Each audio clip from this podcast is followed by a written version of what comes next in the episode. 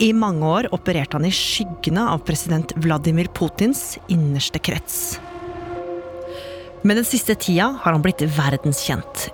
Under kallenavnet Putins kokk, og som leder for den berykta og nådeløse Wagner-gruppa.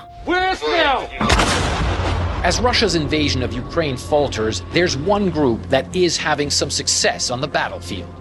The brutally effective Wagner private military company led by Putin ally Yevgeny Prigozhin.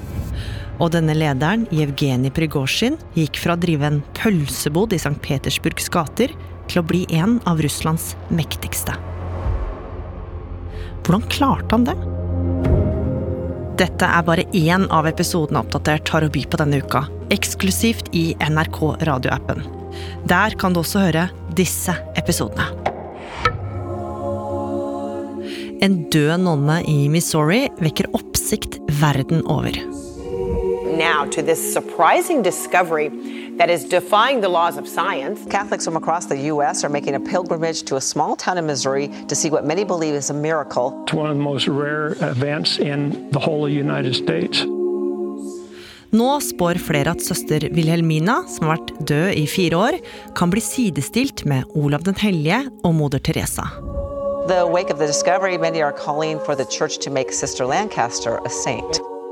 For mange håper nonna kan bli en av få som blir erklært helgen. Hvem var hun, og hva er det hun skal ha gjort?